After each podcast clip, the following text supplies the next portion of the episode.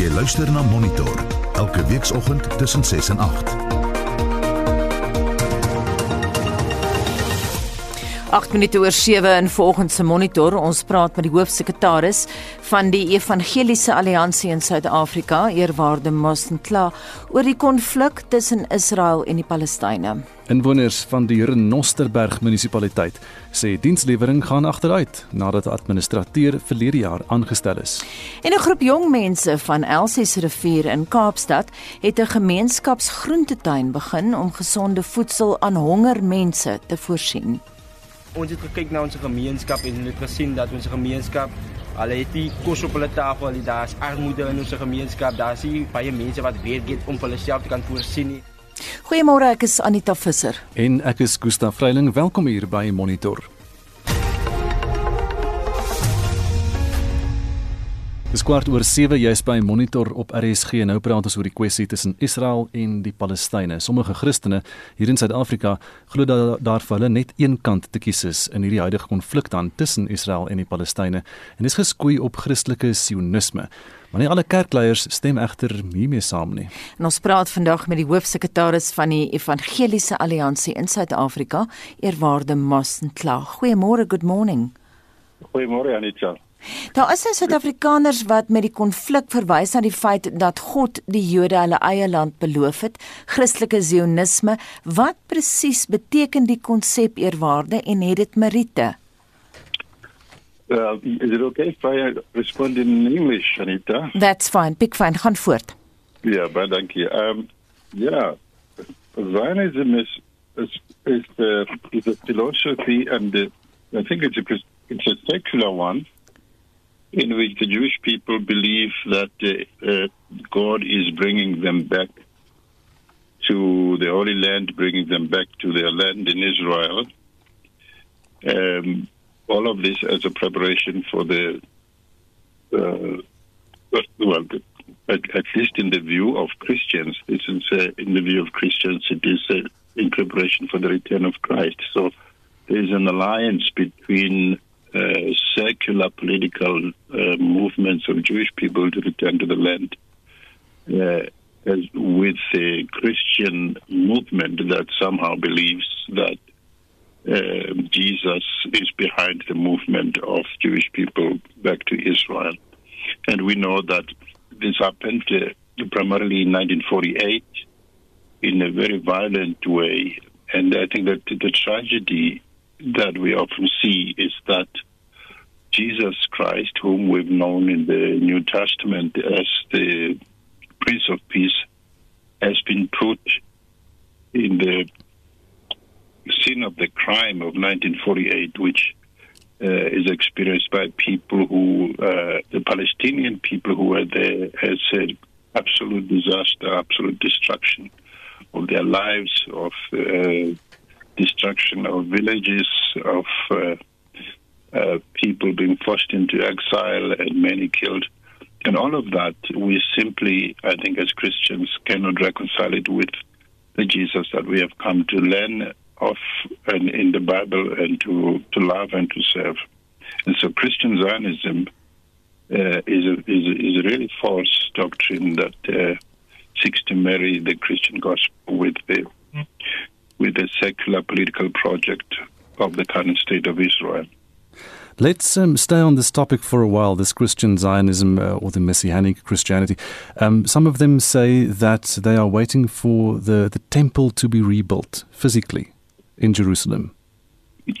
Yeah, that's the that's the tragedy of it. The, you know, Jesus made it plain that God uh, no longer requires for the temple as a place of worship. He said, if you believe and the Spirit of God lives in you, you have become as a person the temple of of God.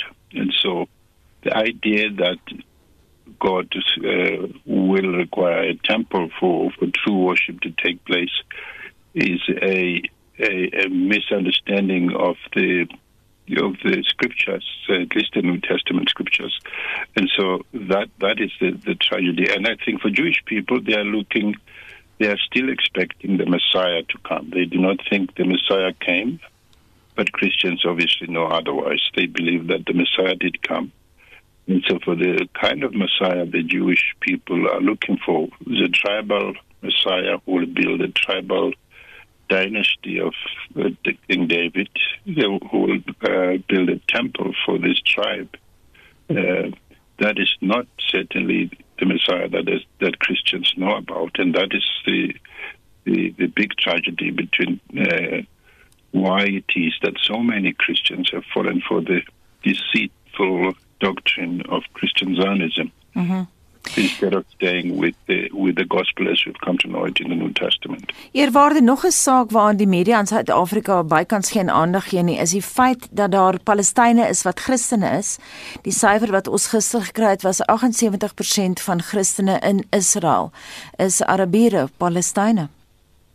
Correct, yeah. The, uh, from even there are some Palestinian Christians who would say that since the days of Christ, they've never left Palestine. Uh, and so I have a friend who has been, uh, his family has been in, in, in, the, in Palestine for over 800 years and is, can track his, his, his, uh, his lineage uh, uh, in Palestine for that long, and some even longer.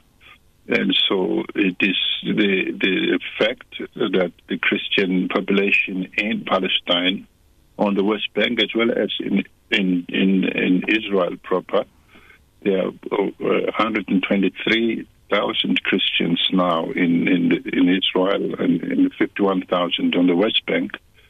All of these numbers have been in decline ever since 1948, uh, because for some reason Israel does not, as you might know, Israel and, and Judaism are very intolerant to religions other than Judaism. And so both Christianity and, and Islam have been put together as enemy religions in a sense.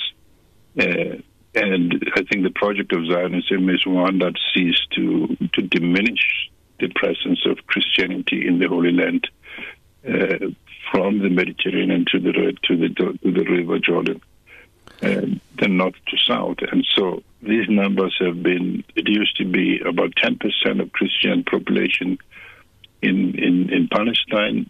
Uh, uh, it has now reduced to just under three percent. So the numbers have been certainly in decline. Ewarde, jy was nou alself, jy was self al verskeie kere daar in Israel gewees en op die Wes-oewer van die Jordaanrivier soos jy nou verduidelik. En jy was in 'n unieke posisie gewees om 'n gas te kon wees van beide die, die Israeliese aan die een kant en later ook van die Palestynë aan die ander kant. Wat was jou ervaring om die om die kwessie so van albei kante af te sien? Yeah, but thank you. Uh, my, my first visit to Israel was uh, the, as a guest of my, my Jewish friends, and uh, I was then treated to the Jewish side of the story of the Holy Land. There was uh, I stayed in in in, in Jerusalem in a hotel there. I traveled the length and breadth of of the Jewish um, uh, land, and I was treated to a narrative of the story of Israel from 1948 uh, and the miracles of the land, and and the fact that Israel has developed to be one of the uh, most developed countries in the world in every way. And that is uh, obviously blew me away to just saw the remarkable changes that have happened. Then I participated in a special project, uh, which was introduced to me as an environmentalist one, where we were, part of a, a group of Jewish uh, South Africans who went to plant a tree in what is called the South Africa forest, um, which is a, a, forest that South Africans sponsor. They plant trees there. It's a Jewish uh, South African plant trees there. So I thought it was an, an amazing project. Uh, and the, our, our, guide told us that this was the, the Israel was the only country in the entire world that uh, planted more trees at the beginning of the last century than it, I mean, at the end of the last century than it had at the beginning. So that was quite remarkable. Most countries are destroying their, their trees. And so I planted a tree there. Two years later, I was invited by the by Palestinian friends who were Christian friends who were saying, you know, we can learn something from uh, that they could learn something from the South African story of how apartheid was resisted and finally defeated. As part of our visit, they also uh, took me around and to precisely the the place, the South African forest where I planted the tree.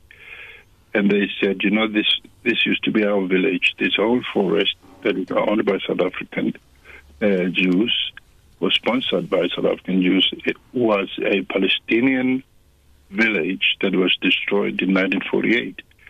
They showed me the graves where they used to be, and you could see the remains of the graves there. Showed me what uh, was the temple.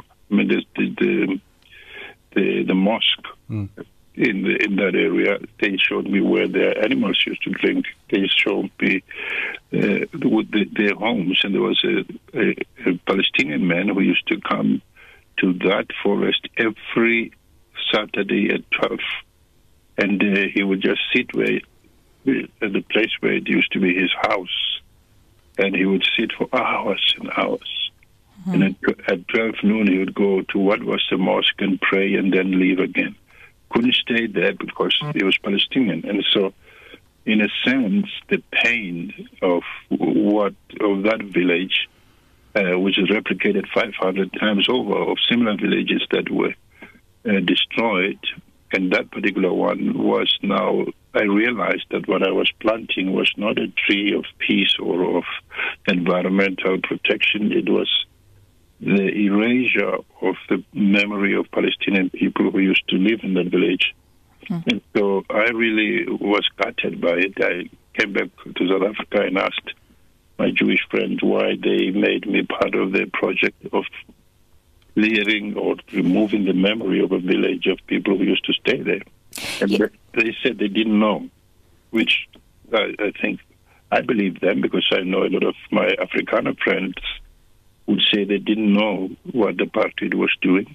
Mm. Uh, and so they, that, that is the genius of the system. It just misrepresents the truth. It spins the messaging, and innocent people believe it. Eerwaarde, wat sê die Palestynse Christene oor die konflik? Ek verstaan daar is 'n Palestynse Kairos dokument uitgereik. Wat is die kruks daarvan?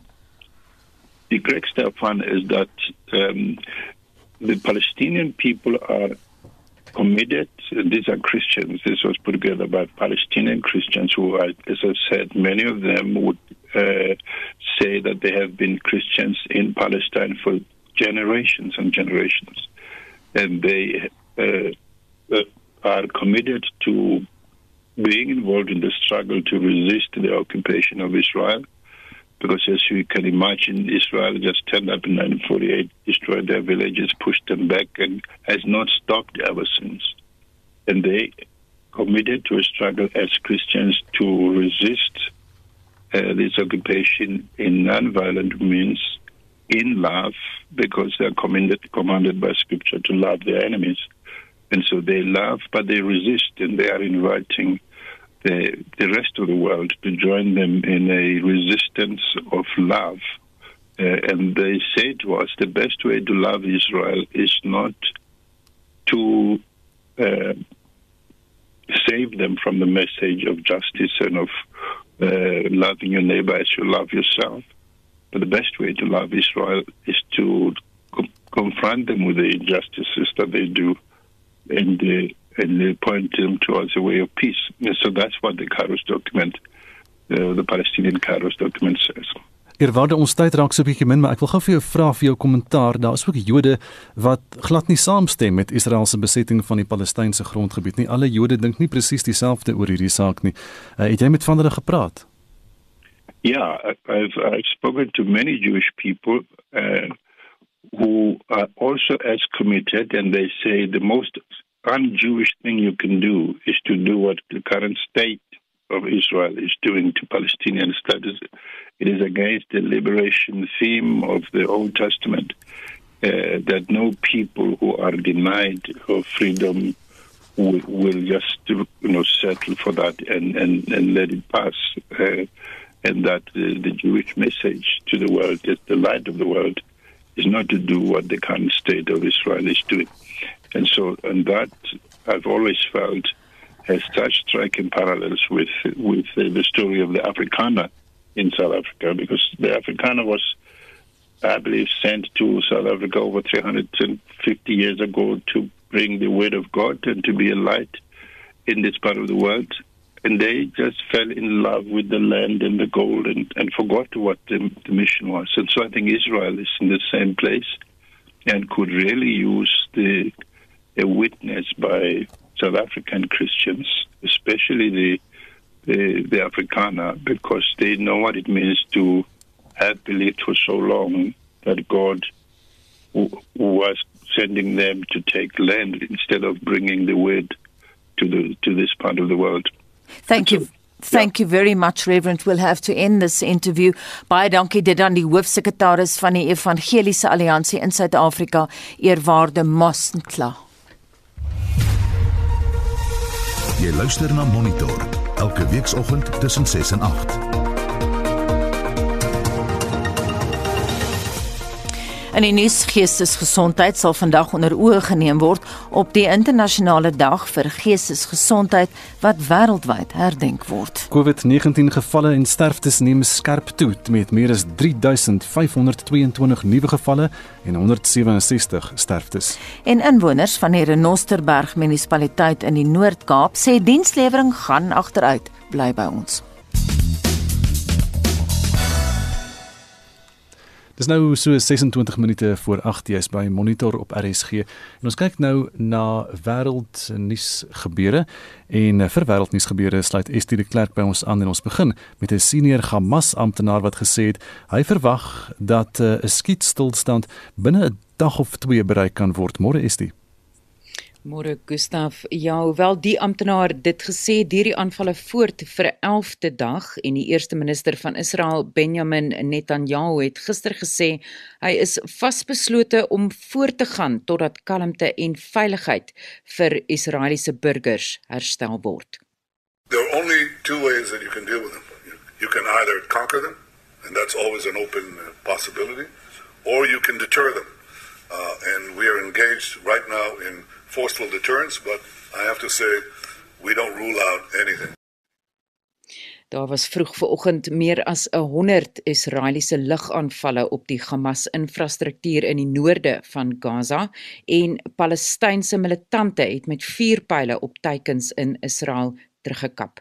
Hier is die Palestynse leier Mahmoud Abbas.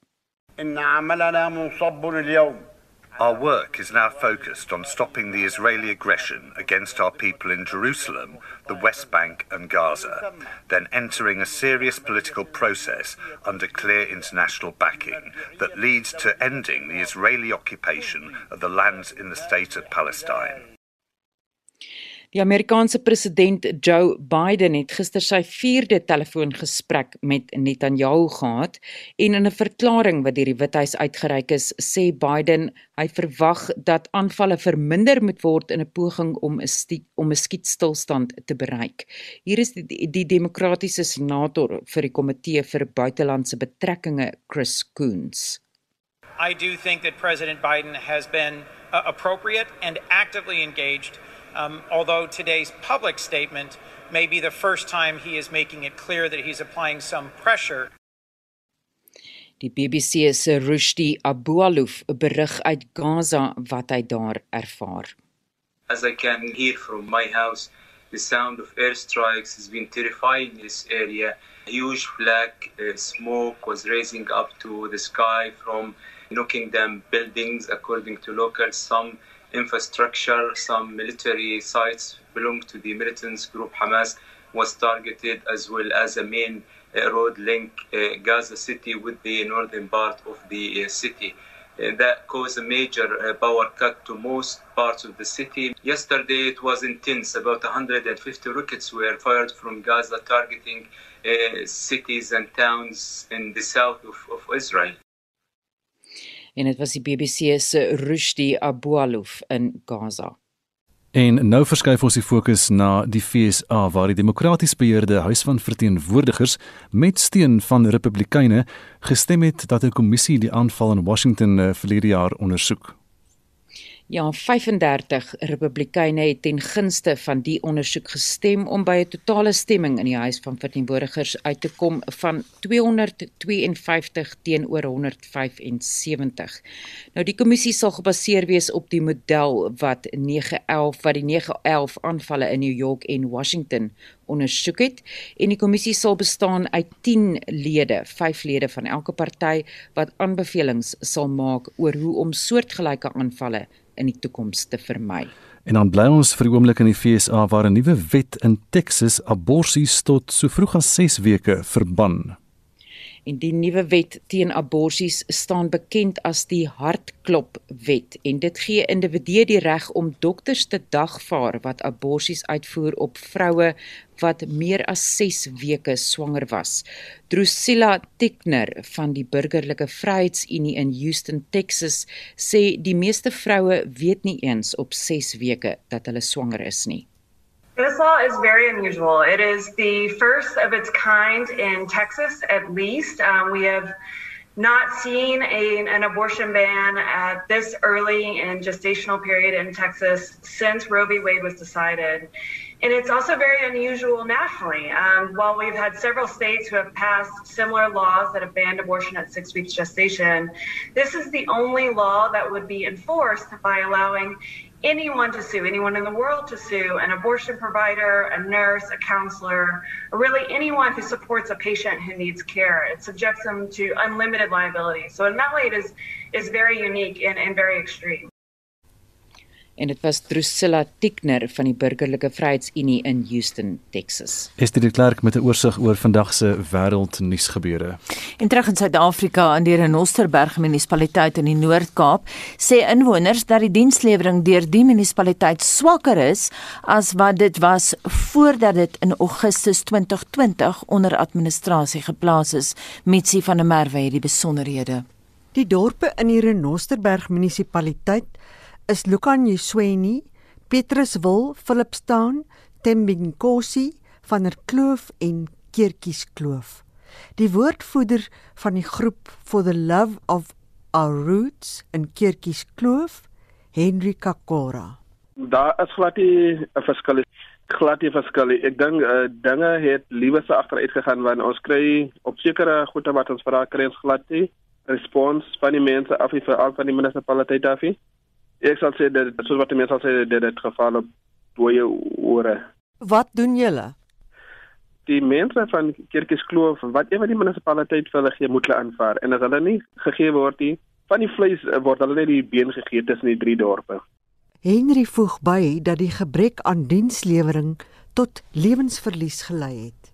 Ambulans het ons by die premier self gevra, ons het daar by die meier gepraat en ek het nou net met die spokesperson van die MEC van die Noord-Kaap ook gevra. Die ambulans is nog steeds daar nie en ek weet nie of u miskien die berig gelees het nou die dag in die DFA van die twee kinders wat doodgebrand het. Hulle moes in die kres gewees. Daar was 'n kres, maar omdat die gebou waar die kres ingewees het, dit val in mekaar in. Dit moet reggemaak word want dit is 'n safety risiko. En daai kinders, omdat hulle in die kres gewees het, het hulle buitekant gaan speel in die sentie en waar hulle doodgebrand het. Jan Damas van die Keertjies Kloof gemeenskapsgroep stem saam met Henry Kakora. Ek bly op van der Kloof in die Renosterberg area en nadat die administrasie in werking gestel is, is dienste nog maar baie swak. Veral by ons water wat vandag is daar water. Dit hoor jy so oor 'n week daar het 'n pomp gebrand 'n standhouding 'n pomp wat 'n standhouding is nie is.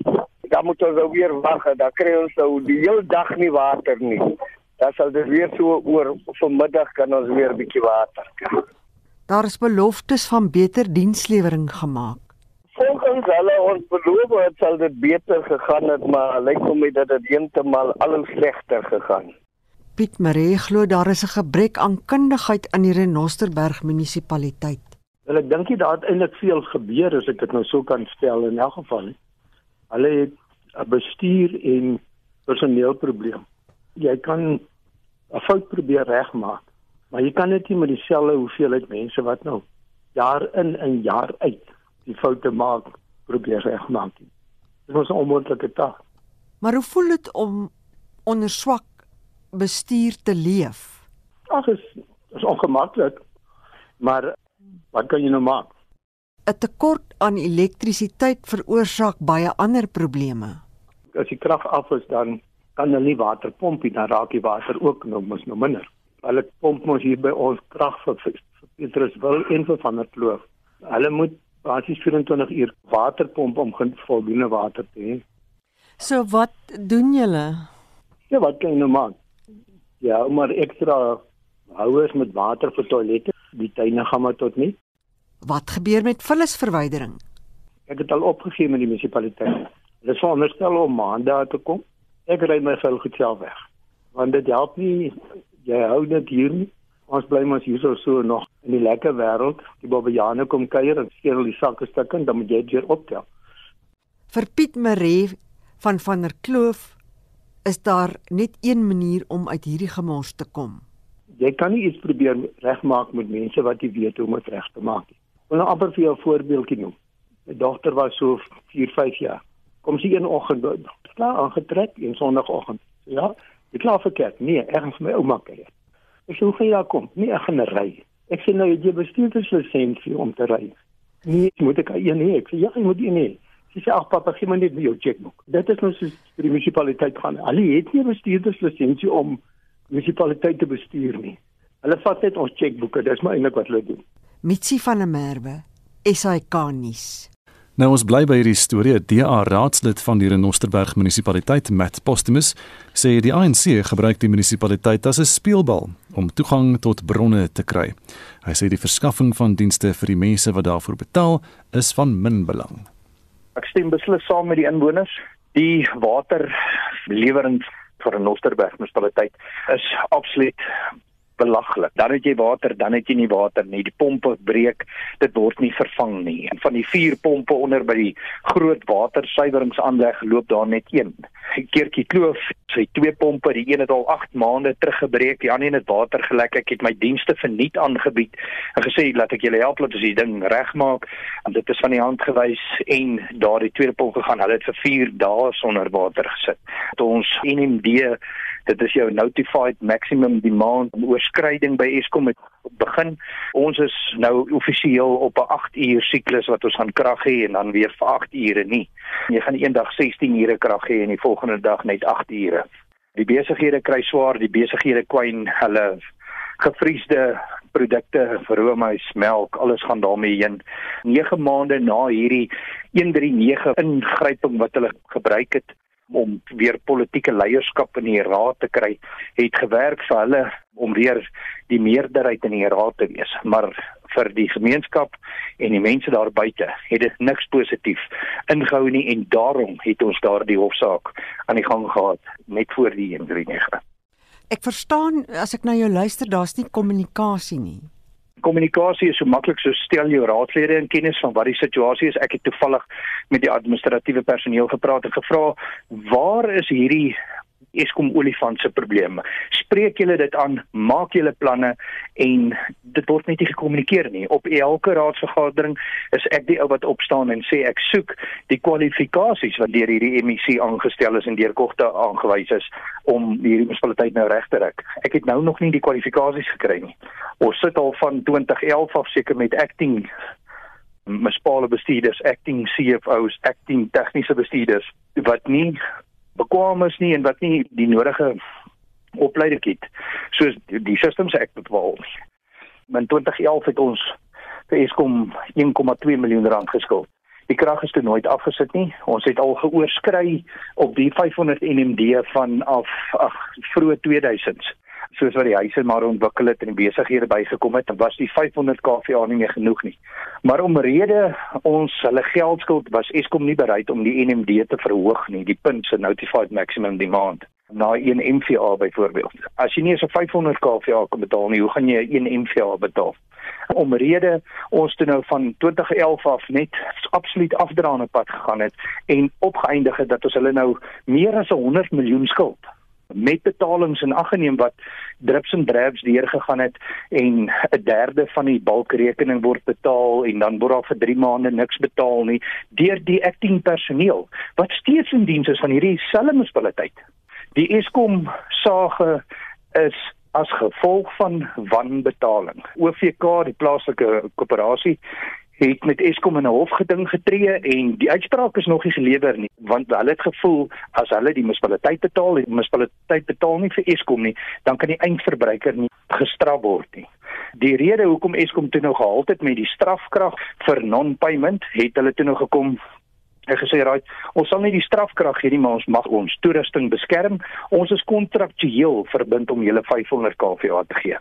Sodra jy hulle die 500 kVA oorgaan, dan gaan ons afsit So dit is hoekom hulle ons nou op 500 kVA afsny en sê raai julle kan nie nou verder gebruik nie julle moet eers julle lading minder maak. Dit is ongelukkig is dit het van 'n kloof van Kerkie kloof wat in hierdie hele munisipaliteit daaronder lê. Die ander dorpe bly binne hulle kontraktuele hoeveelheid met Eskom. Pieterswil se water kom van van der Kloof af. So met die gevolg is omdat ons krag nou afgaan, gebeur dit dat Pieterswil ook nou sonder water sit. Die skole, die COVID, die toilette kan nie werk nie, die kinders kan nie hande was nie, die klinieke sit sonder water. Dis absolute haaglike omstandighede. So wat kan julle doen?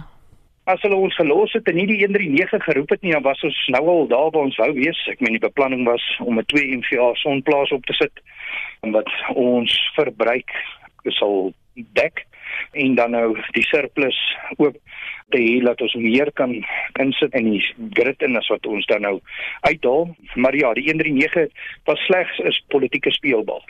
En die hof het in hulle guns geberoel dat hulle hulle gryp nou in om rede die dienslewering so sleg is. Ons is 9 maande later en ons is slegter af. Nou is die MEC, hy's weg. Bentley Wes is weg. Hy's nêrens te kry nie. Die premier, waar's hulle nou? Hulle is nêrens. Hulle kom sien nie nou die haaglike omstandighede nie. Maar toe hulle die 139 geroep het, het hulle gevoel, right, hulle gaan political gain hê en hulle moet seker maak hulle wen hierdie tussenverkiesing. En hulle het alles ingesit om die verkiesing te wen. Maar nou, wat gebeur nou? Hulle het nie na die tyd die after sales service gedoen en gesê, right, nou gryp ons in. Hulle het mense hier geplaas wat net eenvoudig niks beteken nie. Die stem daarvan Matt Postumus, hy's 'n DA lid van die Renosterberg munisipaliteit en hy het met Mitsi van der Merwe gepraat. Nou sy kon nie daarin slaag om 'n reaksie by die administrateur van die munisipaliteit Themba Loko te kry nie. En nou na die storie waarop ons SMS vraag geskwee vanoggend. Spanning, kommer oor geld en moegheid op die pad is iets waarmee ons almal op die een of ander tyd kan identifiseer. Dit hou egter 'n reuse bedreiging in wat padveiligheid betref. Kombineer dit met 'n vervoerstelsel wat nie voorsiening maak vir die mees algemene vorm van vervoer in 'n stad soos Johannesburg nie en daar is chaos. 'n Studie wat pas deur die Steve Biko Sentrum vir Bioetiek gedoen is, fokus hierop en dui aan dat swak bestuursvaardighede onder taxi-bestuurders nie noodwendig die wortel van die kwaad is nie, maar Lenay Forsie die besonderhede. Dr Lee Randall, 'n voormalige beroepsielkundige wat daar op pad etiek toespits, het die kwessie ondersoek nadat 'n beseerde taxi-bestuurder haar besoek het. Quite a few of my clients were survivors of taxi crashes, both drivers and passengers. But what specifically shot me into doing a PhD was a taxi driver who had lost his right arm crash caused by a private vehicle driver. And his story just really made me think a bit differently about the way that the public tend to blame taxi drivers so much for the crashes in which they themselves are sometimes injured. Die vraag of taksies meer botsings veroorsaak is egter een wat onbeantwoord bly. We don't have really good data about that. The majority of crashes in South Africa involve private vehicles. There are a lot of crashes that involve trucks as well. When you look at the number of kilometers that minibus taxis travel, they actually probably don't cause more crashes, but they are associated with more injuries because they carry so many people in one vehicle. Sit onderhoude met 50 taxi-bestuurders gevoer. They were very ready to acknowledge blame responsibility. They were very ready to acknowledge that they break laws and they do things that are dangerous and sometimes crashes result from those things. They were fully able to acknowledge their own responsibilities. But their data that they gave to me pointed to the deeper underlying causes of the behavior. En die eerste kwessie wat hier ter sprake kom is bestuurders se werksomstandighede. Most of them reported working 7 days a week and all of them reported working 6 days a week. The average length of shift was about 15 hours. One of the drivers said, "We work from dark to dark." The sectoral determination for the taxi sector and also global best practice is that the shifts shouldn't really be longer than 9 hours. Maybe on the odd occasion, it would go longer and then the person should receive overtime pay and possibly a night shift allowance. But the norm in our taxi sector seems to be that people are working excessively long hours. So we have fatigued drivers and fatigue is a key crash risk. Die bestuurder moet boonop 'n vaste bedrag aan die eienaar van die voertuig betaal en is self verantwoordelik vir die betaal van brandstof om voertuie te was en te saniteer, asook die hernuwing van hulle lisensies en permitte. They may also have to pay fines and as we know in South Africa, bribes are a big reality and they are literally left with any leftovers if there are any. What did surprise me is that quite a lot of them talked about also receiving some sort of wage from the taxi owner. And that's different from the early 2000s. But some of the drivers said to me, it's as little as 200 Rand a week, no payslip, no job contract per se, no UIF contribution, no workers' compensation. And sometimes it's paid very informally, such as in a an envelope left on the taxi owner's kitchen table. Dis teenstrydig met die land se wetgewing en kan beteken dat hulle selfs minder as die minimumloon ontvang. Spanning oor geld is dus 'n bepalende faktor. Motivation then becomes to pack in as many passengers as possible and do as many trips as possible. For example, Soweto to Joburg in the morning the taxi is full of passengers. Then that driver must drive probably an empty taxi back to Soweto to collect another load. And so the driver is burning petrol, but not generating any fair income that's going to cover that petrol. daarmee saam sê sy die land se vervoerinfrastruktuur behoort die sektor te akkommodeer. If the roads were well designed with the taxis in mind, then things would be a lot safer. But because they're not designed in that way, taxis literally stop, as you know, wherever passengers wait and wherever passengers want to get off. Die oorgrootste meerderheid bestuurders vra dat die regering by die bedryf betrokke raak om beter regulering veral wat hulle inkomste betref te bewerkstellig. For the Department of Labour to do some inspecting and policing of their work conditions but also for the Department of Transport to do better regulating of the industry and also address corruption. So what now? We have a lead agency for road safety, the Road Traffic Management Corporation. And on paper, it has a wonderful national road safety strategy for 2016 to 2030. That strategy talks about Vision Zero, which is a philosophy that says we need to aim for zero road death, but there's a lot that's lacking in the implementation. But when it comes down to the ordinary citizen, we need to understand the ethical consequences of our behaviors, our thoughts, and our decisions in a place as dangerous as the road traffic system. Dit was Dr. Lee Randall, 'n voormalige beroepsielkundige wat daar op pad etiek toespits. Marlene Forsie, SAK nuus. Wat vnuik padveiligheid? Dis wat ons ver oggend wil weet. Kom ons hoor wat sê die luisteraars. Dis Hendrik Sonnepool. As dit 'n vierbaan is, ry hulle op die regterkant van die pad, maar hulle weet 500 meter vorentoe moet hulle links draai en dan wil hulle in die vierbaan reg oor voor almal inswaai, dan word daar nie eers 'n flikker gebruik nie. En dan stem ek saam met taksies. Die mense mag nou nie wel nie drink en goed nie, maar hulle rook dagga terwyl hulle bestuur ook. En wat van die dames wat gemering aansit terwyl hulle bestuur? Dit is nie so gevaarlik. Die swak toestand van die paaie in ons familie is mense al dood op die Edenwil Kroonstadpad as gevolg van slag gade. Ek bly in Donpark, Boksburg in die Oosrand. Vosloorus is baie naby en van Vosloorus af na Boksburg toe is die paaie te nou. So dit irriteer mense al klaar. Hulle dit het hulle so ver geïrriteer dat hulle selfs die roeborde afgebreek het. Nou dat die roeborde afgebreek is, het hulle nou stoptekens opgesit. Mense wil nie stilhou by padtekens nie en hulle wil nie die ander 'n kans gee nie. Dis Jaco Smit. Ons paaie word nie opgegradeer. Die verkeer neem toe.